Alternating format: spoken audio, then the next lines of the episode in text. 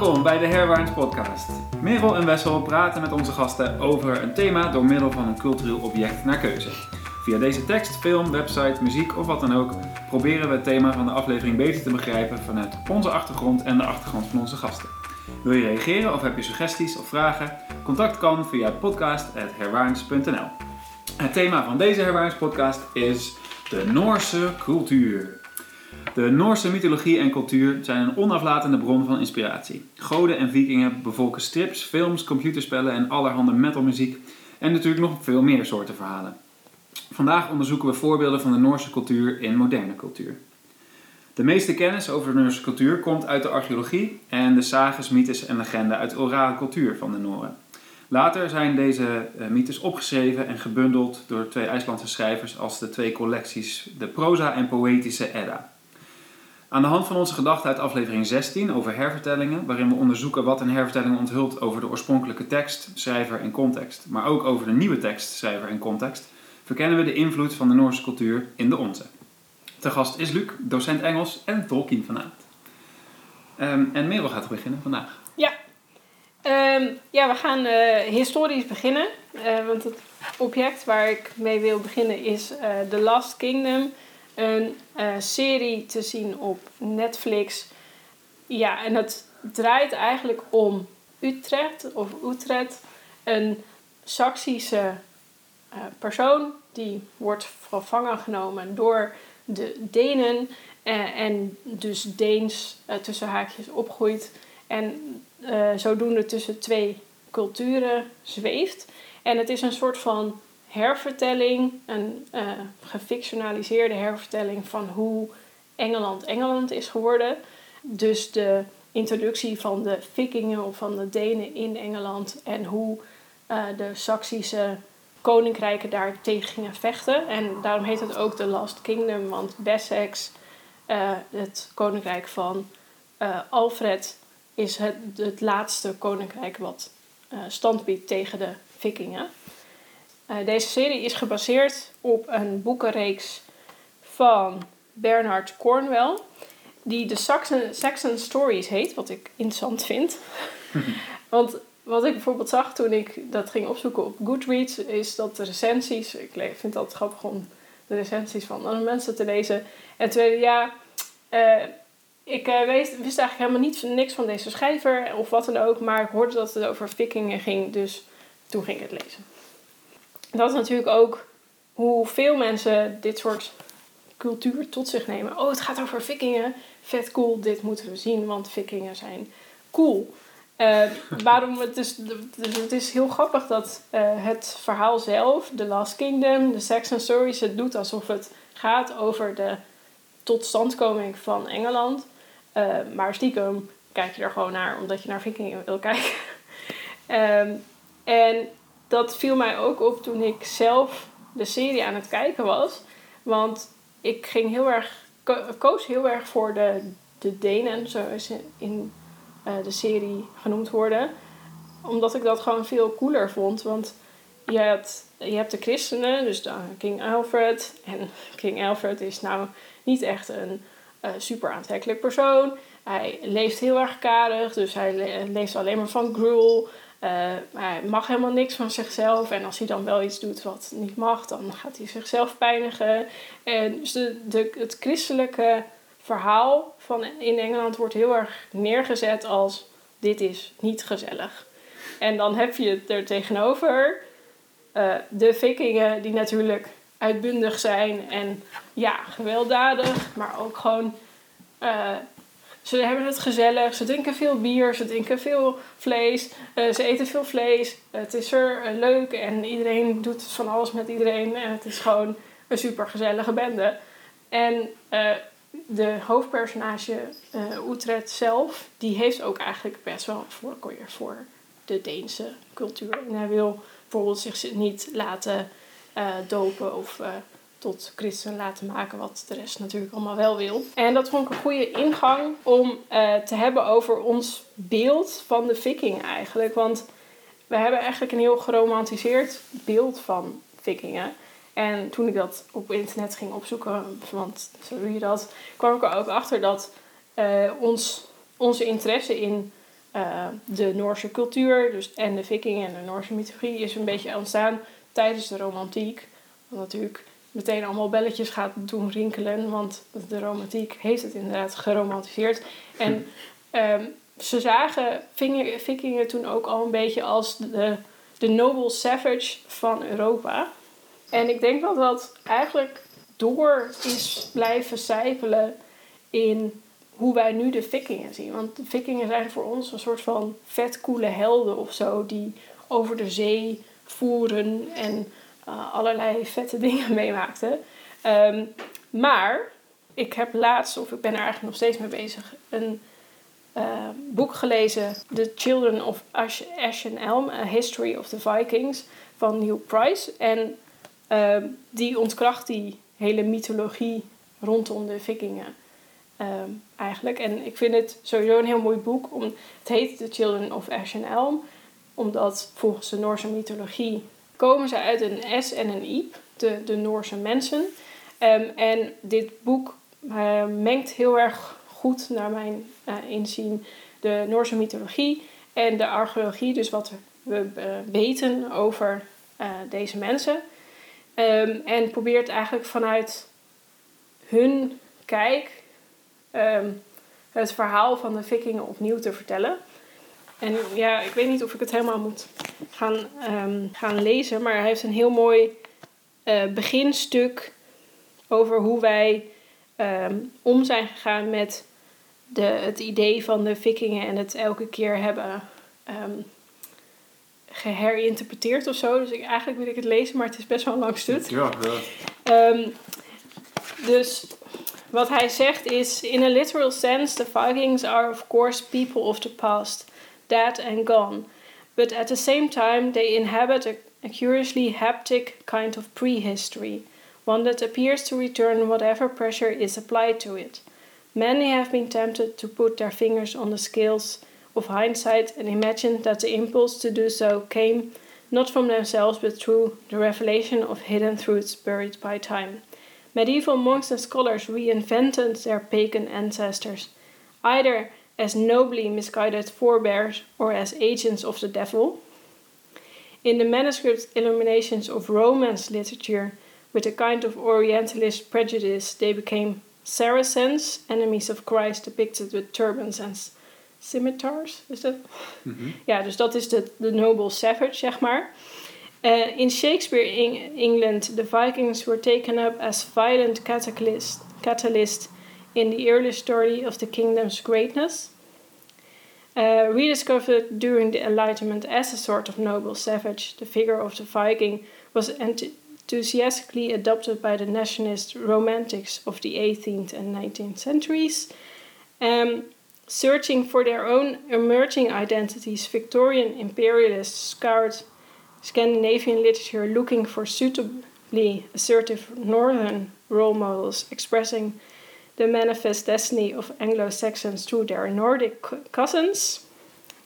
The logical end of that tra trajectory came a century later when the Nazis appropriated the Vikings in pursuit of their racist fictions, elevating them as a spurious Aryan archetype. Their modern successors still plague us today. Elements of the broad pagan community now seek a spiritual alternative that draws inspiration from Viking religion with Tolkien-esque flavorings added to a cloudier North, Norse brew. Uh, dus door de geschiedenis heen hebben we elke keer de Viking op een bepaalde manier gebruikt. Dus zelfs door de naties. Uh, ja, op een manier hoe wij er naar uh, keken. En ik vind dit boek echt fantastisch, omdat het vanuit het perspectief van de viking zelf beschrijft hoe de vikingperiode uh, eruit ziet. Voor zover we dat kunnen reconstrueren natuurlijk. En om een voorbeeld te noemen, wij zien de, de vikingen als een, een warrior people. En dat is vet en ze zijn cool. ja, dat is eigenlijk de, basic ervan. Um, en, maar we kennen ze natuurlijk ook van uh, in 793 de Raid on Lindisfarne. Maar dat is zo'n van, oh ja, Lindisfarne. Maar moet je even bedenken dat jij zelf in Lindisfarne was op dat moment. En eh, je hebt je mooie, nou, het is een dorpje, christelijk centrum. Eh, en opeens komen daar een stelletje gekken aan die je hele dorp platbanderen, alles meenemen wat ze maar kunnen meenemen, inclusief eh, een deel van je familie en je vrienden. En die slaven worden of eerst verkracht worden en dan slaven worden of gewoon doodgemaakt worden. En dan is je hele dorp weg en plat en dood. En vijf jaar later gebeurt het nog een keer. dat, is, dat zijn ook de vikingen, zeg maar. En dus uh, bijvoorbeeld slavernij en het uh, raiden omdat, zodat ze slaven konden meenemen, was gewoon een, enorm groot ding in de Scandinavische cultuur van dat moment, van wat wij nu de vikingen noemen. Um, dus ja, dat, um, hij zet het heel goed in perspectief, zeg maar. Terwijl je het nog steeds super vet kan vinden. Want hij begint bijvoorbeeld, ja, wat ik heel vet, hij begint over hoe um, Scandinaviërs van die tijd uh, zichzelf zien. En dat je dus vier aspecten hebt aan jezelf, namelijk je uiterlijke vorm, die je ook nog kan shapeshiften. Super cool. en een soort van wat wij de ziel zouden noemen. Uh, dat is niet helemaal vertaalbaar als zodanig, maar het is een soort van ziel. En ze hebben een soort van geluksmensjes die bij je zijn of niet, maar ook zelf kunnen bedenken dat ze weg willen gaan of niet. En iedereen heeft een vrouwelijke uh, uh, ancestor bij zich die een soort over je waakt. En als je doodgaat, dan gaat hij naar de volgende. En het boek is ook opgedragen aan die ancestors, de, de volgers, als ik het even vertaal. Um, want sommige IJslanders die geloven er nog steeds in. um, dus eigenlijk, dat was uh, ja, mijn grootste punt is van wat wij zien als de vikingen. Uh, en met hun de Noorse cultuur die daarbij hoort. Uh, het is misschien niet helemaal zoals het was. Maar ja, het blijft wel heel erg cool. Ja, het is interessant dat er dan zo'n 14 dubbel geromantiseerd beeld is. Van mhm. zo, uit zoveel hoeken, waarin elke nieuwe groep weer bepaalt wat dan het meest romantisch is aan de vikingen. Dat ze ondernemend zijn, of dat ze geweldige strijders zijn, of dat ze zo puur zijn, of dat ze zo uh, spiritueel zijn of zo. Toen je het over had, over die uh, uh, Alfred en Duffred, was de naam van het andere karakter? Uh, ja, Utrecht. Utrecht, ja. Oh ja, Utrecht zat ik nog aan ja, ja. daar moet ik, zo, moet ik het ook altijd. Ja, dat, uh, dat er een soort uh, fundamenteel tegengewicht zit aan het judeo-christische, judeo-christelijke stuk identiteit in Europa, zeker Noord-Europa dan. In het idee dat we ook allemaal vroeger Germaans of, of Noors waren of zo. Dat daar ergens een soort dualiteit in zit of zo. En eigenlijk gaf je al aan, die dualiteit is natuurlijk helemaal niet uh, zwart-wit of zo, maar het is een veel complexer beeld. Ja. Uh, zowel in die tijd al in mensen als nu. Want ja, het is een soort uitzoeken van wat zijn nou kenmerken die ik nu zou willen hebben, die ik op mensen kan plakken die voorouders van mij zijn of zo. Ja, nee, ik zat ook wel toen ik over na zat te denken, waarom vinden wij de Noorse mythologie en cultuur zo interessant? Zat ik ook wel na te denken, tussen een verschil tussen de christelijke cultuur die we kennen en de. Want Scandinavië is als een van de laatste uh, delen van Europa uh, christelijk geworden. Dus het is ook gewoon heel lang blijven bestaan. Terwijl andere mythologieën al eerder um, opgenomen waren uh, ja. door het christendom, om het zo maar te zeggen. dus misschien zien wij het ook wel als een tegenhanger van. En wat ik bijvoorbeeld ook interessant vind, wat dit boek van uh, Price zegt, is toen ze bijvoorbeeld de, de vikingen gingen, uh, op rooftocht gingen, uh, heel veel steden die gingen op een gegeven moment zeggen oké, we geven jullie wel geld om te zorgen dat jullie hier niet meer komen. Mm-hmm. Maar dan vragen ze wie is de leider van jullie groepje? Ja. En ja, wij hebben geen leider, want wij besluiten alles gezamenlijk. Ja. En dat is natuurlijk ook een super raar idee. Want uh, in de nou, christelijke wereld hebben we koningen en duidelijke leiders. Ja. Van dit is de man die het bepaalt, zeg maar. Ja. En dus dat is ook nog heel anders. En Price vergelijkt het zelf op een gegeven moment met piraten. Mhm. Wat wij natuurlijk ook super vette vi- eh, personen vinden. En eh, die enorm ge, hoe zeg je dat, gefictionaliseerd zijn. Geromantiseerd, Ja. Geromantiseerd zijn. Dus ja, het is ook wel echt vergelijkbaar met piraten. Want die hebben ook, zijn ook op zoek geweest naar een andere sociaal-politieke orde Ja, dan dat er was. ja.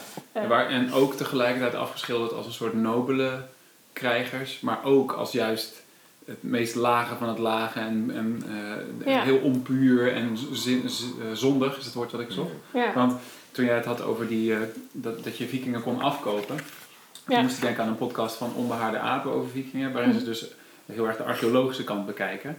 En daar zat dus ook een heel ding in dat eh, eh, viking vertaalt volgens mij ook als een soort van eh, op tocht gaan. Ja. Ehm, en dat, ehm, eh, dat het vaak ook gewelddadig was, maar helemaal niet gewelddadig hoefde. Ze waren ook aan het handelen en soms waren ze een soort van huurlingen voor het ene dorpje tegen het andere dorpje, weet je wel. Dus het was een ondernemingszin meer dan Ja. eh, alleen plunderen. Maar plunderen was gewoon een soort legitieme manier om dat ook te doen. Ja, dat, het eh, aspect de economie, zoals deze meneer eh, zegt. Ja, En het is niet toen, zeg maar, toen Lindisfarne gebeurde dat de Engelsen of de Saxons nog nooit een viking hadden gezien. nee. Of een, een Scandinaviër, zeg maar.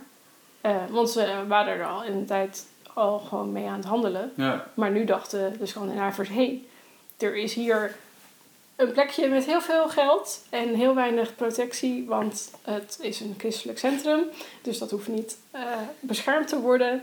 Waarom nemen we het niet gewoon? en dat werd een economie. ja. Ja, Ja, dat alsof het. eh, ja, we gaan het nog wel een paar keer hebben over een soort van veelzijdigheid of zo. Hm. Alsof, alsof je eigenlijk meteen al die. Eh, want je, je zei heel erg, er is een romantisch beeld van de viking als held. Maar er is denk ik ook een heel erg gedemoniseerd beeld van de viking als superschurk of zo. Die, het, die het vredige leven van de Europeanen die wel geciviliseerd zijn verstoort of zo. En Ja, eigenlijk ja. kloppen die alle twee natuurlijk niet Beetje, precies. zo. inderdaad, de, de, de, noble savage. Het, het is nog steeds een savage. Ja, Ja, en eh, wat is het woord ook weer? De berserker. En, maar het maken ze ook van inderdaad een beetje nobel of zo. ja. ja en om de beurt, afhankelijk ja. van wat je nodig hebt uit de geschiedenis of Ja. zo. Ja. Oké. Ja. Dus Eh, dat. Ja, nou, interessant. Dankjewel. En dan hebben we een soort van historisch kader. Dat is mooi. Dan kunnen we door naar de, het volgende object. Ja. Luc, ga je gang. Eh, als ik nog heel even kan inhaken ook op dat hele piraten en viking ja. is dat we hadden het eerder al in je inleiding best wel over de metal, de invloeden Ja. in de metal. Eh, die zo, eh, zo heel goed gaan op eh, alle mythologieën, de Noorse mythologieën, maar ook op piraten. Ja, moest ik even ja. denken. Pirate En het is grappig dat zowel piraten als vikingen is een subgenre in de metal. Ja. Pirate metal en Viking metal. Nou, ik heb dat, van andere muziekstijlen, ik heb nog nooit van Viking jazz en pirate jazz gehoord. Nee. Of Viking blues. En nee, dat is echt iets van de, van de metal. Maar dat is misschien iets voor later. Om nog even Ja. terug te komen. Ja, het is wel interessant, want daar zit Ja. dus bij alle twee zowel dat romantische als dat anarchistische of zo in. Ja, ja, of Ja. ja. een beetje een soort van afkeren van de mainstream-achtige Ja. ideeën en zo. Ehm, eh, goed, Ehm, mijn, eh, mijn object, dat was eigenlijk de Silmarillion, of ja, bij extensie eigenlijk de volledige eh, Tolkien Legendarium. Als we het hebben over mythologieën, ehm, dan denk je natuurlijk in eerste instantie aan nou, eh, verhalen, ja, het vertellen van verhalen. Het middeljaarstuk ging natuurlijk vooral over het historische kader en klopt ons beeld wat we van de vikingen hebben. Mhm. Ehm, nou, waar, waar ik het dan vooral over zou willen hebben is de verhalen. De verhalen zelf. Jullie hebben eerder al een eh, aflevering over hertellingen gehad. Eh, en wat Tolkien, ehm, de, de auteur natuurlijk van The Lord of the Rings en eh, ook de verhalen uit de Silmarillion, eh, waar, hij zijn, waar hij eigenlijk voor stond, was het ja, eigenlijk hertellen van sommige van die, van die mythologieën en van die legenden. Ja. Ehm, Tolkien's wereld is eigenlijk opgedeeld, chronologisch gezien, in, in drie ages, hè, drie era's. De first age, de second age en de third age. De third age is waar men het meest over kent en weet. Dat is de tijdframe waar de Hobbit en eh de Lord of the Rings eh, in voorkomen. En de invloeden die we kunnen zien vanuit de Noorse mythologie is, limiteert zich daarin eigenlijk vooral bij de namen. Die namen die zijn eigenlijk meteen eh, heel duidelijk eh, ge- ja, gepikt, eigenlijk geleend uit de Noorse mythologie heel vaak. We bij, bij de Hobbit bijvoorbeeld, eh, kunnen we de, de, de, de namen voor de dwergen simpelweg vinden in de poëtische Edda. Hm. In het stukje de Voluspa, Voluspo moet ik eigenlijk denk ik zeggen op zijn Scandinavisch. Eh, ik heb hem toevallig voor me liggen, dankjewel Merel. Eh, daar kunnen we de namen vinden. eh Durin, ehm Dwalin, Dain, Biefer, Bofer, Bomber, Nori. Gandalf, jawel, Gandalf. Ja, hij was hier een dwerg. Hij is iets langer geworden in, eh in de in Hobbit. En Thorin en ook Skjaldi. Ja, Thorin ook een shield. Ehm, dus ja, ja wa- waarschijnlijk, nou zeer waarschijnlijk, ja, 100% is dit waar Tolkien natuurlijk ook opgekomen is in, eh, in zijn eh, Hm. vrij langdurige onderzoek eh, van, van het Scandinavische, van het Noorse. Ehm, Tolkien was natuurlijk ook filoloog, taalkundige. Ehm, ook zeer geïnspireerd door de talen van die tijd. En daardoor is hij ook die werken natuurlijk gaan lezen. En daar heeft hij de namen over, overgenomen. De verhalen zelf vinden we meer in de verhalen van de First Age. En daarom heb ik dus Silmarillion uitgekozen. Hm. Eh, want die is meer mythologisch van aard. Ook, die First Age. Eigenlijk fungeert denk ik de First Age ehm, een beetje op dezelfde manier als wat wij mythologieën zouden noemen voor de karakters uit de Third Age. Eh, als, eh, als we bijvoorbeeld de Lord of Rings lezen, dan zijn- zijn er meerdere referenties naar verhalen of gebeurtenissen uit de First Age, als waren het mythologieën. Eh, en, en een aantal van die mythologieën zijn eh, eh, eigenlijk Tolkien's hertellingen van Germaanse en Noorse mythologieën. Ehm, als we bijvoorbeeld kijken naar The Children of Húrin, ehm, eh, is een verhaal uit de Silmarillion, Hm. is min of meer een hertelling van de story of Kullervo, dat is dan Finse mythologie. Ehm, die plot is bijna één op één hetzelfde. Is gewoon een plaatsje gegeven binnen Tolkien's eigen wereld, binnen Tolkien's eigen legendarium. De motivatie daarachter is denk ik dat Tolkien het ook hele gave verhalen vond. Hm. Hè, dus eh, nou, eh, dit, het is misschien niet helemaal hetzelfde als eh Merel jouw stuk over de, de vikingen. Dat het niet per se vikingen afschildert als iets supergoeds. Maar het gebruikt wel ook die Noorse mythologie als inspiratiebron voor ontzettend toffe verhalen. Ja. En dat is natuurlijk Tolkien's trade, is dat is echt een verhalenverteller. En ehm, nou, het aparte is eigenlijk wel dat ehm, Tolkien zelf behoorlijk katholiek is. Ja. Eh, maar je toch eigenlijk in The Lord of the Rings... Het is wel zichtbaar, maar je moet goed zoeken. Hm. Eh, beter daarnaar zoeken dan naar namen van Noordse mythologie. Die vind je namelijk op bijna elke bladzijde. Ja. Eh, dus ook bij hem zat toch diep iets... eh, Ja, maar want ik, had, we hebben, ik heb net gezegd van misschien zit er wel een soort van tegenhang, christendom, Noorse, Scandinavische, maar eh, Tolkien heeft dat dus in ieder geval voor zichzelf bij elkaar kunnen brengen. Ja, zeker. Want eh, in, de, in de, eigenlijk de hele creation myth waar de wereld van Tolkien op gebaseerd is, ehm, dat is het eerste deel van de Silmarillion. Ja, dat, dat heet dan de Ainulindale in Tolkiens eigen taal. Hm. Eh, en dat is de hele creatie van de wereld. Dat heeft juist weer heel veel met, eh, vanuit het christendom en het katholicisme. Is, is eigenlijk gewoon een soort Genesis story. Hè. Er was één centraal figuur en die schep, eh, schepte dan eerst eh, de andere heiligen eh, van, van die wereld. Het is wel een soort van ja, meerdere goden. Het is wel een soort polytheïstie. Maar er is wel één boven, bovenhangend figuur, Ilu- Iluvatar. Ehm, en dan is er één engel, zeg maar, laten we het dan even voor het gemak engel noemen. eh een vader die er niet in meegaat. Het is eigenlijk een soort van fall from grace, een soort Ah, ja. Lucifer-achtig verhaal. Ja, Ehm, dus dat is weer heel erg ja, katholiek eigenlijk eh, van aard. ja. ja, Ehm, dus hij heeft het een beetje gemixt. ja, het is een beetje een, een mix inderdaad. En een mix waarin hij ook zijn eigen beeld wel erin verwerkte. Van wat hij goed vond en wat hij minder goed vond. Wat zijn dan eigenschappen die hij overneemt, denk je, uit het, het, eh, de Noorse mythologie specifiek? Ja, Noorse en Germaanse mythologie. Dus natuurlijk Mhm, een beetje de boundaries zijn niet altijd even duidelijk. Nee. Maar daartussen ook. Maar eh, de mythologie aan zich is wat hij daarin goed vond. Was volgens mij noemde hij dat zelf de undomitable spirit. Het, het strijden eh, voor je zaak en het, eh, eh, het heldhaftige ervan. En het Mhm. niet, nooit opgeven. Altijd door blijven strijden tegen wat dan ook het kwaad mag zijn. Ehm dus natuurlijk sowieso wordt Norvings vaak gezien als een wat meer archetype good versus evil. Ja. Ehm, en dat eh, zien we daarin heel erg terug. Dus dat waardeerde hij eh, in, in die Germaanse ethos van de, van de, van de Germaanse krijger. En, wat hij daarin verwerkte, zijn eigen wereldbeelden, is eigenlijk dat ze best wel een beetje arrogant waren vaak. Ze waren best wel een beetje belust op eigen glorie en roem en rijkdom. Ehm, en dit is misschien meer een sidestep naar echt Germaanse uh, mythologieën zoals uh, Beowulf en, en The Battle of Malden en de andere uh, bonus. Maar goed, die komen dan bij extensie weer vaak juist uit, uh, uit Scandinavië vandaan. Ja. Ik bedoel, de, Germa de Scandinavië, ik bedoel, Beowulf is een Old English poem, maar het speelt ja. zich af in Denemarken en Zweden. Ja. dus dat heeft ook weer heel veel raad. Het idee van roem vergaren is natuurlijk ook inderdaad wel een, ook een fiction ding. Ja, absoluut. Ja. ja. En dat is wat we in Tolkien's helden eigenlijk um, bijna nooit zien. En als ze het wel laten zien, loopt het altijd slecht met ze af.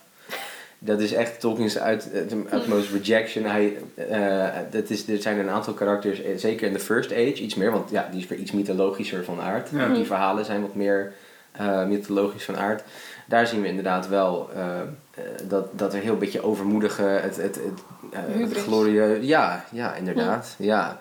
En dat, dat uh, is in het, uh, in het, het oud-Engelse woord overmoed, wat ik super grappig vind, het lijkt heel erg op het Nederlandse overmoed. Ja.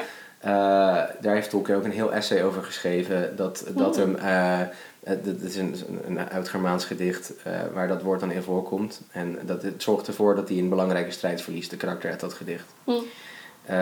En dat, stipt, dat fascineerde Tolkien enorm. en we zien dus eigenlijk dat Tolkien's helden dat niet echt bevatten.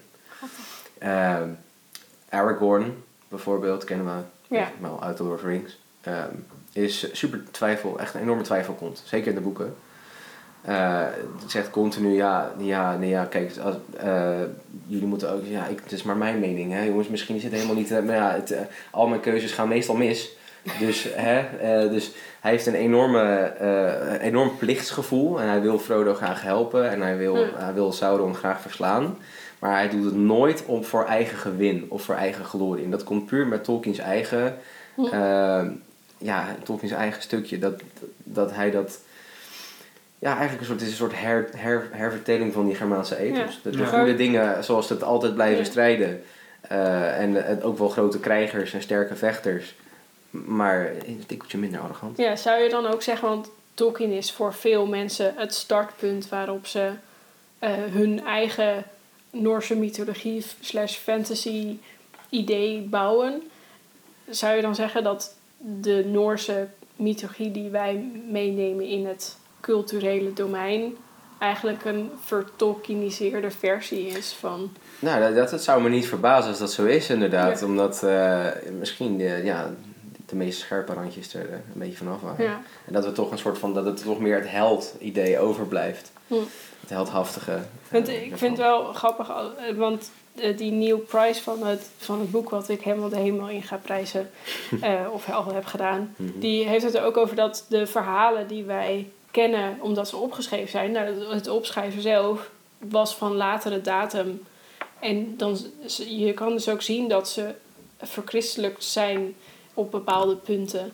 Uh, dus bijvoorbeeld het idee van Ragnarok, dus dat het einde van de wereld volgens de Noorse mythologie, dat daar bepaalde puntjes zeg maar meer passend zijn in het christelijke verhaal van de apocalyps. Of uh, de Noorse mythologie heeft bijvoorbeeld een personage genaamd Hel.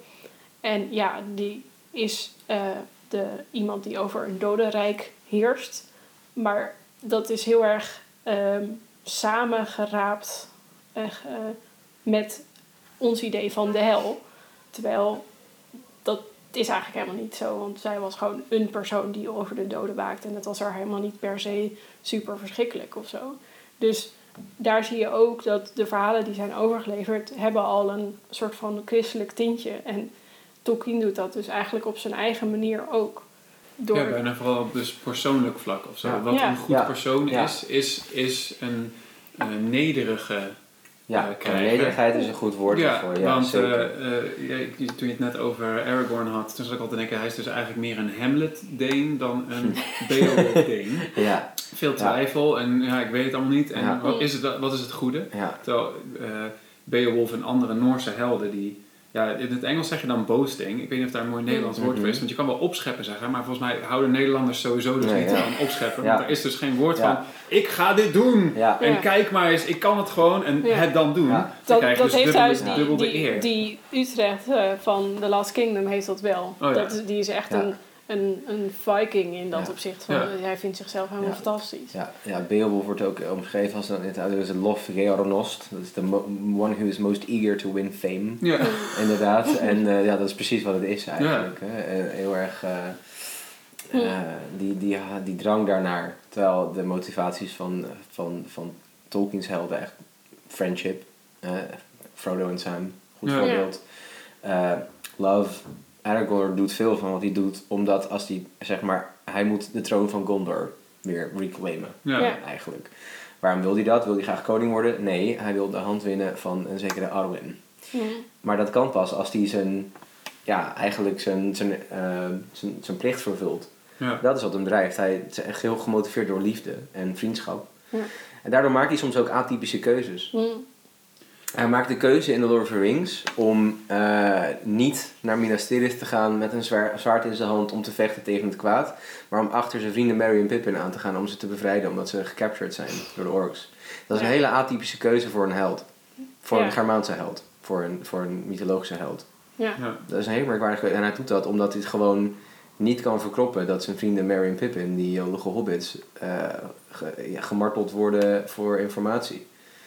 Terwijl, ja, ze hadden de ring niet. De ring was niet in gevaar. Eh, Ja. Ik denk dat een typische ja, Noorse held eh, zou zeggen, geef mij mijn zwaard, ik ren op de vijand af. Mm. En win daar veel roem en glorie mee. Ja, alsof dus ook dan de...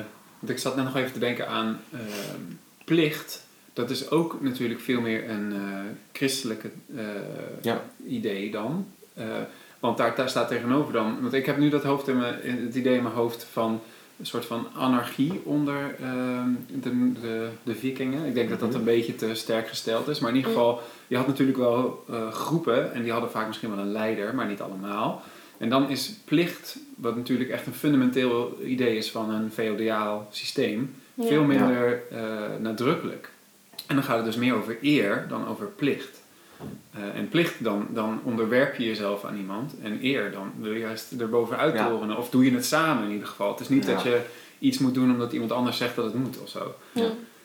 Interessant, want dat is bijna eh, een tegenstelling die... eh, die bij, het is bijna een pure tegenstelling. Bij de ene onderwerp je je voor het goed van iedereen. En bij de andere kies je juist voor het grootste goed voor jezelf. Omdat dat ook goed is voor de rest. Of zo. Dus het is een Ja. heel... eh, Ja. ehm, dit kan je bijna niet verenigen, zou ik zeggen. ja, en toch heeft Tolkien dat gedaan. Ja, min of meer. En altijd wel heel erg eh, ja, geïmpliceerd.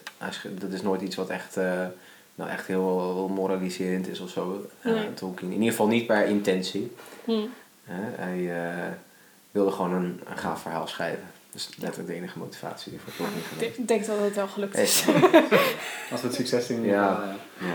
Ik zit er ook nog altijd aan te denken dat... eh, we hebben nou echt iets van tien keer gezegd dat vikingen dus cool zijn. Of Mhm. vet of gaaf of zo. Mm. Waar dat hem dan in zit, dat is, nou ja, dat is best wel een, een interessante Ja. vraag. Omdat ze in ieder geval dus een soort uitgang bieden voor de plichtmatigheid en een soort van de ascetische, eh, wees nou maar eh, simpel en gewoon. Mhm. eh, het, het gaat om het volgende leven, zeg maar. Ja. Daar, er zit natuurlijk iets heel vrijs dan in hoe een viking er naar zou kijken. Ja. Ja, ja, ze doen eigenlijk alles net anders dan wat wij gewend zijn. Ja, ik heb Ja. opgeschreven, vikingen zijn alto, daarom zijn ze, Ja, daarom zijn Ja. ze ook goed voor metal misschien. Nou ja, misschien wel. Eh, Misschien wel, ja. En het nou, is, ik denk dat daar wel, denk ik, met ons wel een beetje tegen de mainstream in. Ja, Zeg ik nu een beetje. maar dat, ja, en ik denk dat dat wel, ehm, dus wel even goed om te noemen dat ehm, de nazi's eh, de vikingen ook kozen omdat eh, het christendom van eh, se- semitisch waren en dus de vikingen ja. per definitie niet. Ja. Mhm. ja. Dus Ja. er- je kan het ook op een verkeerde manier doen. Laten we Ja, het maar Nou, er zit een soort idee zeker, in dat, ja. dat je juist als je dus van de, de mainstream wil afduwen, Hm, dan kijk je naar een alternatief. Dus kijk je naar de vikingen, want die zijn anders. ja. En dan kan je daaruit weer een soort van gaan kiezen van zijn ze nou goed, slecht, eh, linksom of rechtsom, passen ze bij mij of zo. Ja. Ja. Ja, die, ehm, die, ehm, eh, dat, dat stukje uit die poëtische Edda, eh, waar al die namen zoals Gandalf en, en, en Dwalin en Nooie Bomber vandaan komen, dat is die, die Voluspa, Po. Eh, die, ja, mijn IJslands is niet zo heel goed. Wat gek nou. Nee, ja. Ehm, Tolkien was overigens professor in eh, Oud-IJslands. Dus, Ja, ik wil het altijd nog een keer doen. eh, ehm, dat dat, dat stuk, dat, dat stuk uit dat gedicht, uit die, die gedichtenbundel, is ook heel veel gebruikt door, door andere popculture dingen. Ook onder andere de metal. Hm. Album van Burzum eh, is, een, is, een, is een, ja, eigenlijk een eenmansband. Eh quote ook veel uit de Voluspo, maar dat heeft dan weer veel meer linkjes met... Ik moest eraan denken omdat je zei dat de nazi's ook vikingen gebruiken. Nou, Hm. Burzum wil ik niet al te lang bij stilstaan, want dat is zeer problematische eh, Oké. Meneer heeft het grootste gedeelte van zijn volwassen leven in de, in de cel gezeten, ook Hmm. overigens. Ehm, en dus die, die legt het ook dan weer op een soort verkeerde, dat is een extreemrechtse gast, een Hmm. neonazi.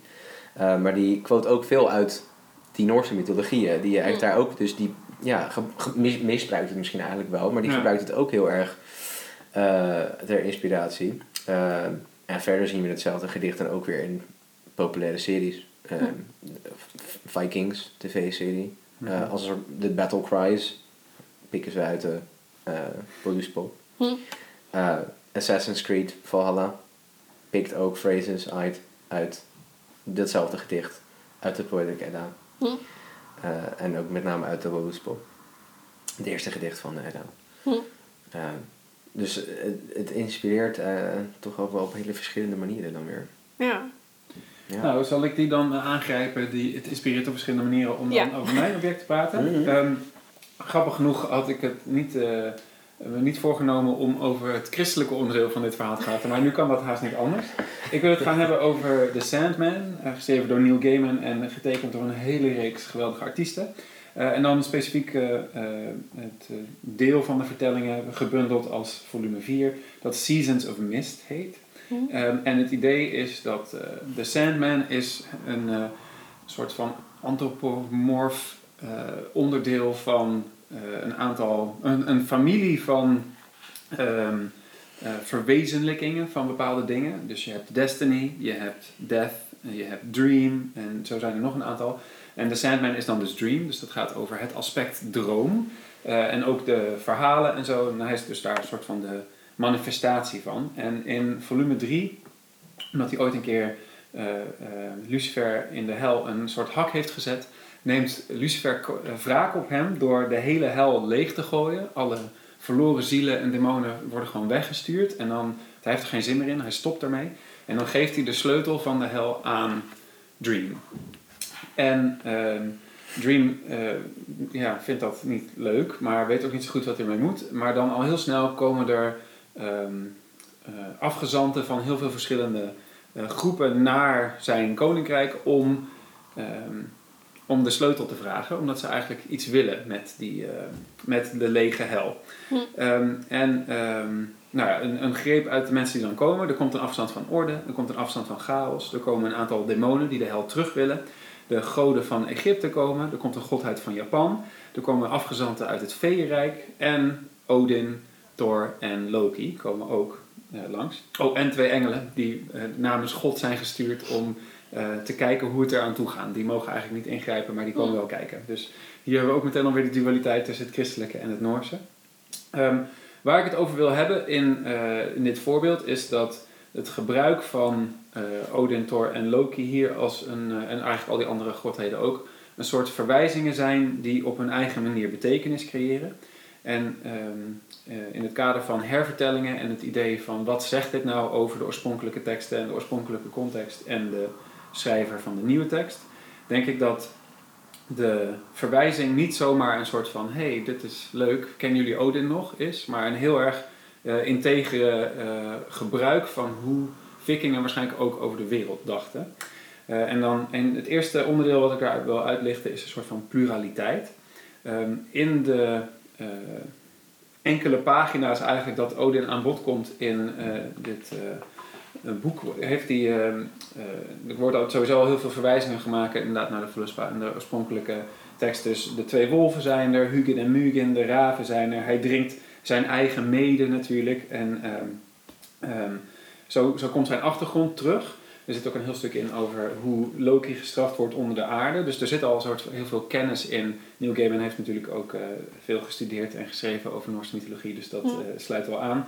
Um, maar even om dat pluraliteitsstukje te noemen, eigenlijk in de, nou ik denk dat het iets van 15 pagina's zijn in dit deel waar, waar Odin voorkomt, krijgt hij onder andere naam Odin, de Alvader, de Gallows God, koning van de Aesir, heer van Asgard, Glad of War, uh, Runeheer en Eenoog. Dus dit zijn alle titels die hij um, heel... Want hij is dus eigenlijk een zijfiguur in, het verhaal. Maar deze krijgt hij allemaal uh, toebedeeld. Um, en daarin zit volgens mij heel erg dat idee van die orale cultuur waar jij het al over had. Hm. Odin staat niet voor één ding, maar Odin staat voor heel veel verschillende dingen. Heeft heel verschillende belichamingen. Voor de Germanen betekent die ongetwijfeld iets anders dan voor de Noren, dan voor de Zweden, dan eventueel voor de Finnen. Ook al hebben ze een eigen uh, afsplitsing van de mythologie. En uh, daar maakt dit verhaal juist gebruik van. Omdat het natuurlijk gaat over droom en uh, verhalen vertellen en mythologieën, um, zit er altijd een enorme veelzijdigheid in. En dat kun je dus ook zien dat de Noorse mythologie niet de enige mythologie is. Dus, op een gegeven moment zitten ze met z'n allen aan tafel. Thor zit naast Bast en probeert haar nog een soort van, dat Egyptische kattenkoningin, Mm. eh, en probeert haar nog een soort van te verleiden, terwijl een stoel daarnaast zit, een afgezant van, de, van chaos. Weet je wel. En die zitten allemaal naast elkaar en die hebben contact met elkaar. En die, die pluraliteit en die ehm, soort van interpretatie ervan en een verhaal kun je hervertellen en dan wordt het weer net iets anders.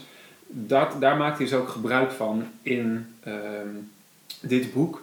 Uh, waardoor ik die verwijzing dus ook zo geschikt vind. Omdat hij dus een soort van eerbetoon geeft. Niet alleen aan dat hij heeft uh, gezocht, maar ook aan dat hij Odin dus ziet als een krijger, een dichter, een runemeester, een debatmeester, een wijsgeer en een zwerver. En, en dat doet een soort recht aan uh, de Noorse traditie. Terwijl, als ik even een soort zijpaadje mag nemen naar hoe dat anders gaat. In de Marvel-traditie uh, is Thor natuurlijk heel belangrijk. Um, Mm. En dat zie ik veel meer als een soort platgeslagen verwijzing. Want Thor is gewoon cool, want die kan bliksem, weet je wel. um, en die is een soort van gebruikt als hoe kan ik nou een gewone man heel cool maken? Ik maak hem een oude Noorse god. Welke kies je dan uit? Dan kies je Thor uit. Mm. Um, want in de oorspronkelijke Stan Lee strips was Thor een soort van gestraft door zijn vader, Odin. Um, door, hij moest een leven leiden als een gewone man. Dus uh, de Thor die we nu in de Marvel films kennen is eigenlijk altijd Thor. Maar in de oorspronkelijke strips was hij een, een lamme arts, geloof ik, of zo. En maar dan als hij sommige dingen deed, of drie keer met zijn staf, dan kon hij ineens wel bij de kracht van, van de Noorse god of zo. Ja. Nou, dat is natuurlijk een heel ander gebruik van Noorse mythologie, want dan is het gewoon een soort uh, afsnijweggetje naar nu is hij ineens heel cool en heel sterk of zo. Uh, Hm. Wat helemaal geen recht doet aan die pluraliteit. En daarin Nee. wordt Odin dus ook een soort van strenge vader die, die Thor voor straf naar Midgard stuurt. dat is een heel andere uh, gebruik daarvan of zo. Ja. Um, Ja, dat, dat, is, je maar, ja. Ja. dat is eigenlijk uh, uh, precies ook wat Neil Price zegt over hoe de Scandinaviërs kijken naar hun goden. Is, wij zijn heel erg gewend dat goden een functie hebben. Dus je hebt één god van de oorlog en je hebt een god van de liefde en je hebt een god van familie. Um, zeg maar Zeus en Hera en Athena en uh, wat hebben we nog meer? Hades, Poseidon. Um, maar de goden van Noorse pantheon, dat zijn personages. Dus je hebt verschillende goden die iets met oorlog te maken hebben. Onder andere Odin en Freya en Thor en nog een paar andere. Maar het zijn gewoon, ja, het zijn een soort van mensen, behalve dat ze goden zijn. Ja. Um, en we hebben dus ook, kijk, we zijn gewend dat de Griekse goden ook een soort van mensen zijn in, in dat ze fouten kunnen maken. En uh, nou ja, Zeus is noodwaar. Maar de Noorse mythologie heeft dat ook in. Uh, als in ja, het zijn dus niet. Het zijn geen functies, maar het zijn gewoon. Ja, antropomorfe um, creatures die verschillende aspecten in zich hebben. Ja, ze nemen rollen op zich of zo. Of ze krijgen. Um, ze worden geassocieerd met dingen. Ze hebben kenmerken, maar ze zijn Ja. niet één ding. Ja, en je zou dus zeg maar in een bepaalde situatie kan je voor kiezen: oké, nu wil ik voor aanspreken, want dat is de, het, de personaliteit die ik nu nodig heb. Ja, Maar op een ander moment in dezelfde oorlog bijvoorbeeld zou je Odin willen aanspreken. ja. Eh, omdat dat dan de karaktereigenschappen zijn die je nodig hebt. Ja, wat ook weer compleet haak staat op een totale toewijding aan één God. Als ik denk, even denk aan het christelijke. Ja, Je kan, je kan het bij de christelijke God niet maken om te zeggen vandaag jij en morgen iemand anders. Eh, Ja, terwijl bij, bij, binnen de Noorse mythologie zou dat dus blijkbaar heel logisch zijn. Ja. Alle en, goden en, zijn ook en de eh, meeste dagen denk je er überhaupt niet over, Ja. over die Noorse goden. Want die zitten ergens in, eh, hoe heet het ook weer? dus Asgard. Ja, en jij zit in Midgard. En de, de, de, de magische dingen waar je het meeste mee te maken hebt... zijn wat wij nu trollen en elfjes noemen. Want die leven in het bos naast jouw huis. Ja, niet de goden, die staan verder. Niet de goden, want Ja. die roep je misschien een keer Ja. tijdens een ritueel op of zo. ik ineens aan moet denken, is eh, dat in, eh, in, eh, in de wereld van Tolkien ook de, de goden in de eerste age nog veel meer te maken hadden met de elves en veel meer dealings hadden met de, ehm, eh, ja, de, de creatie, zeg maar, eh, dan Hm. in de third age. En dat is misschien een bekende meme geworden van why didn't they just fly the eagles eh, to Mordor? Ja. Nou, even voor eens en altijd de wereld uit helpen. Het was letterlijk de divine intervention, want dat was het Mm. domein van een van de goden, een van de Valar of the skies, the air. De eagles behoorden hem, hem toe. Mhm. Maar die goden zijn eigenlijk niet heel erg ja, daar. Ze zitten in hun undying lands en we, hebben ze, we zien ze eigenlijk niet echt Ja, in de hele Lord of the Rings. Dat was eigenlijk die ja, soort van divine intervention aan het eind van het verhaal. Eh, dat ze toch even ingrijpen door middel van die, van die eagles. Ehm, maar dat is niet zo simpel. Eh, het is iets te simpel om te zeggen, Ja, oh, dus dat had in- toch ook aan het begin van het verhaal In. Tolkien hebben ze ook Omstandigheden moeten er wel voor zijn. Midgard, Ja, Midgard, ja, zeker. En, en een plek waar de goden zitten. Ja. En ooit was dat gewoon, kon je er gewoon heen varen. Maar Mhm. door verschillende oorlogen die in de First en Second Age zijn gevoerd, is dat niet meer mogelijk in de Third. Age. Alleen voor de elfen. Ja, ja dus, de, dus de Noorse goden zijn veel meer apart. Maar Ja. hier komen ze allemaal terecht in de hel. Nou ja, in, de droomwereld dus, waar, Ja. waar, waar inderdaad ze naast andere goden komen te staan. Ja, En het interessante daarvan is dus ook dat die, die afstand waar we het nu over hebben, die wordt heel erg ingekort. Omdat droom, eh, ze worden zelfs, hij, hij neemt zelfs letterlijk dromers, slaapwandelaars eigenlijk, gewoon mensen die op dit moment leven, die dromen van, oh, nu was ik al die goden aan het serveren aan de dinertafel. Dat is natuurlijk ook gewoon een leuk trucje om je voor te stellen, Ja. was ik dat? Of hoe heb ik dat gedroomd? Wel, nou, het is gewoon heel leuk. Ehm, maar die afstand wordt ineens veel kleiner, inderdaad. Ehm, om even door te gaan over dat eh, verschillende vormen aannemen. Eh, Loki is natuurlijk eh, ook heel erg bekend als een eh, vormveranderaar. Ehm, maar je zei al, dat, dat komt dus eigenlijk... eh, er is een deel aan je uiterlijk dat blijkbaar altijd van vorm kan veranderen in de Noorse blik op eh, hoe een persoon ja, is. ja, volgens Neil Price heb je vier delen aan jezelf. ja, en precies, één daarvan is je, je lichaam, je, je hammer, geloof ik. Ik weet niet hoe je dat uitspreekt. Maar dat kan inderdaad ook shapeshiften. Shiften. En bij mannen is dat vaak een wolf of een beer. En bij vrouwen zee eh, creatures, dus selkies, Oh, dat idee. Of eh, vogels. Ja. Ja. Nou ja, in ieder geval dat eh, Loki is daar natuurlijk ook beroemd om. En eh, Loki speelt dan een grote rol in een ander volume, dat is deel 9. Mhm. Ehm, waarin hij een van de eh, aanzwengelaars is van een- de dood van Droom. Oeh, misschien had ik even een onthullend waarschuwing. maar goed, als het goed is voel je dat tegen die tijd wel een beetje aankomen. Maar goed, in ieder geval, Loki ontvoert iemand en daardoor wordt iemand anders heel erg boos. En die roept dan de wraakgodinnen aan, de Furies, om achter Droom aan te gaan. En ehm, Loki heeft eh, het, het kind ontvoerd van de moeder, die dus ineens woest wordt. Ehm, maar hij neemt steeds andere vormen aan, waardoor het dus lijkt alsof hij het anders het gedaan heeft. Er is nog een hele mooie pagina die ik graag even aan jullie wil laten zien. Waarin eh, Loki wordt aangevallen door een droom. Je kijkt vanuit het perspectief van de droom of de nachtmerrie. Mhm. eh, die Loki dus eh wurgt. Maar hij neemt ja. zes verschillende vormen aan. Waaronder de nachtmerrie zelf. En een kind en een vlam. En gewoon allemaal dingen van... Oh, laat me met rust of zo. En eh, ik vond het eigenlijk wel mooi aansluiten bij dat idee van die pluraliteit en die, die verschillende vormen die je dus kunt aannemen. Wat ook heel goed Hmm. past bij dromen natuurlijk, omdat dromen constant verschillende vormen kunnen aannemen. En als ik dan toch een stapje heb gemaakt naar de Kindly Ones, wil ik de laatste eh, ehm, eh, betekenisvolle vergelijking even noemen. De reden dat Odin naar Droom gaat om, om die sleutel naar de hel te vragen, is omdat hij graag een nieuw rijk heeft voor het grootste probleem wat hij niet kan oplossen, de meest wijze van de goden. Namelijk eh Ragnarok, je noemde het al. Want dat is wanneer hij en alle goden ten einde komen. Ja. Eh, en hij dacht, nou, als ik naar de hel heb, dan kan ik daarheen. Zeg maar. nou, dat lukt uiteindelijk niet, maar ehm, eh, daarmee zit hij wel meteen aan een heel groot thema van de hele Sandman-serie. Namelijk dat er regels zijn waar ook de goden en ook dus de aspecten van oneindigheid, zoals droom, niet onderuit kunnen. Hij, hij handelt heel erg volgens bepaalde principes, regels waar hij niks aan kan doen. Hm. Als de Furies, eh, dus die de Kindly Ones genoemd worden, in zijn dromenwereld komen en alle dromen beginnen dood te maken om uiteindelijk hem ook te doden, zeggen heel veel mensen, waarom vecht je niet terug? Jij bent toch droom, jij bent hier toch oppermachtig? En hij zegt, ja, maar er zijn bepaalde regels en ik heb iets gedaan en daar moet ik verantwoordelijkheid voor nemen. En Odin is eigenlijk een, eenzelfde verpersoonlijking van dat, want hij is natuurlijk de almachtige alvader. Ja. En tegelijkertijd, ook al is hij zo wijs, of misschien juist omdat hij zo wijs is, weet hij wat er gaat komen en kan hij er niets aan doen. En er wordt nooit gezegd hoor, tussen Droom en Odin van, hé, hey, eigenlijk lijken we wel op elkaar of zo. Maar tegelijkertijd voel je een soort van, oh ja, maar ze, ze worstelen met hetzelfde probleem. Namelijk, met alle macht die ze hebben, kunnen ze niks doen aan de, de regels waar ze in Ja. gevangen zitten of zo. Aan het lot dus eigenlijk. Hm. Ehm, en ehm, nou ja, dat is ook weer zo'n onderdeel waarvan ik dan denk, zo'n betekenis spiegelt dus eigenlijk wat een schrijver wil met zo'n verwijzing.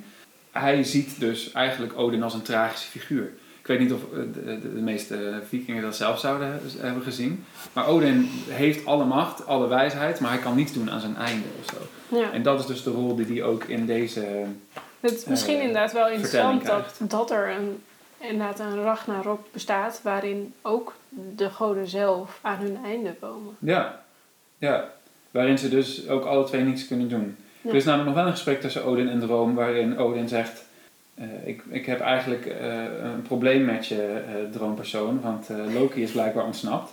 En degene die onder de aarde werd gemarteld nadat we hem mee terug hadden genomen van ons vorige bezoek, bleek een droom te zijn. Is dat jouw verantwoordelijkheid? Eh, anders hebben we namelijk oorlog. En dan zegt Droom, nee, nee dat ik, ik- er was een verkeerd iemand meegenomen. Shit, Loki was natuurlijk een shapeshifter, dus die had Ja. iemand anders in zijn plaats betoverd. En toen ik erachter kwam dat het iemand anders was, heb ik er een droom voor in de plaats gelegd. Oké, nou, Odin gelooft dat niet meteen. Ehm, en dan later dan vraagt Odin zich ineens af, maar wacht nou even. ehm, al die problemen die nu op jou afkomen, waarom doe je daar niks aan? Heb je dit zelf zo georganiseerd zodat iedereen een rol speelt in jouw plan? Zodat zelfs Loki dus eigenlijk een, een soort schaakstuk is in jouw uiteindelijke plan voor je eigen einde? Ehm, of heb je eigenlijk geen controle over dingen en loopt het allemaal over je heen of zo? Hm. En eigenlijk zou je die vraag natuurlijk ook aan Odin kunnen stellen. Als hij de alvader Ja. is en Ragnarok gaat toch gebeuren. Wat, wat, nou, wat is daar dan gaande of zo? Nou, in ieder geval, die, Ik- zulke soort grote vragen aan- komen aan- dan... eh, Ja, aan twee andere New Gaiman dingen denken. Nou, ten eerste aan Good Omens, waar de, ook de eh, apocalypse voorkomt. Dat- is dus een, een christelijke, adap- nou, behoorlijk grote adaptatie. Ehm, waar eigenlijk iedereen op een gegeven moment dat de apocalypse plaatsvindt, erachter komt dat, ze, dat dit misschien niet het ineffable plan is, zoals ze het daar noemen. ja. Ehm, ofwel, maar dat ze dan allemaal inderdaad een schaakstuk zijn in het eh, spelletje van God. Ja. eh, dat hij het allemaal wel grappig vindt, eh, God. Ehm, en aan American Gods, ehm, ook door Neil Gaiman, dus degene van The Sandman, mijn waarin Odin en Lo- Loki ook voorkomen.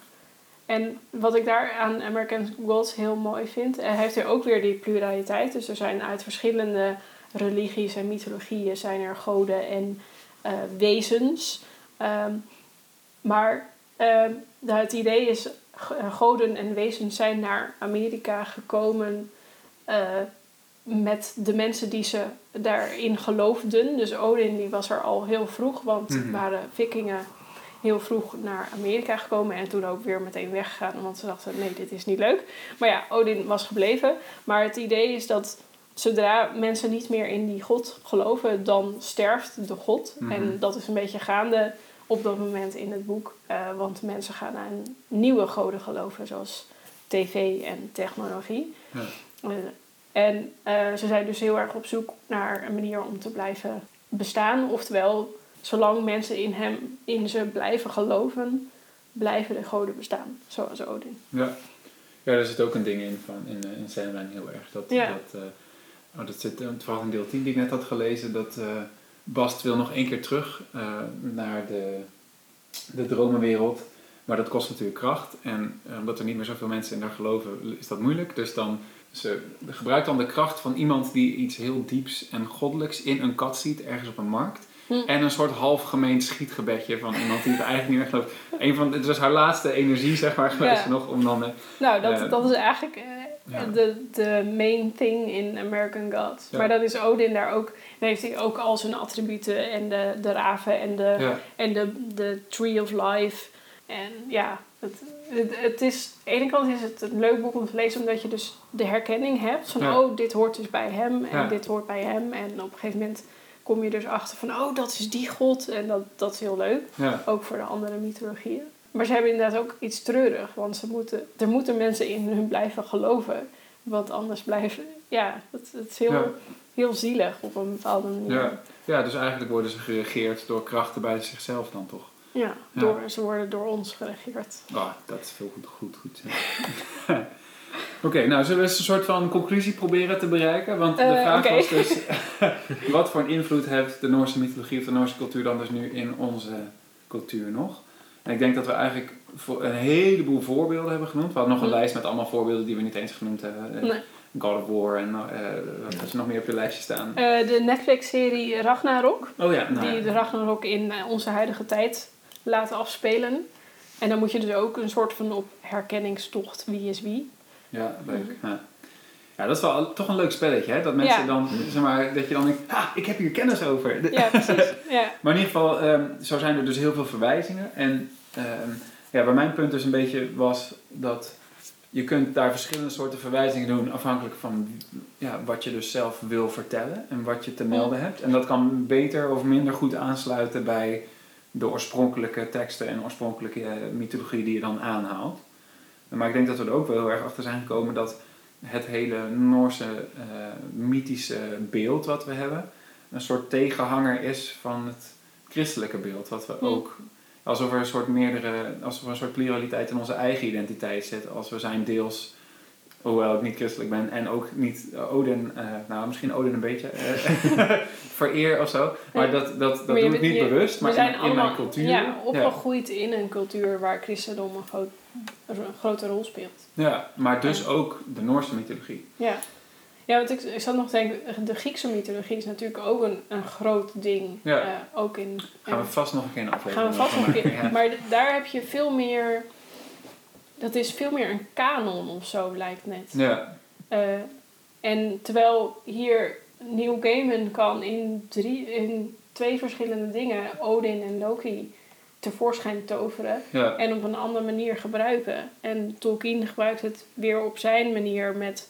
eh, waar hij de heldhaftigheid houdt, maar de, de, de hoogmoed niet meer, zeg maar. En ja, je, je kan het veel, het is flexibeler of zo, Ja. vormbaarder. ja, omdat ik denk inderdaad dat het dus eh, wel is opgeschreven uiteindelijk. Maar de Grieken hadden natuurlijk zelf al veel meer geschreven bronnen. En daarna de Romeinen ook.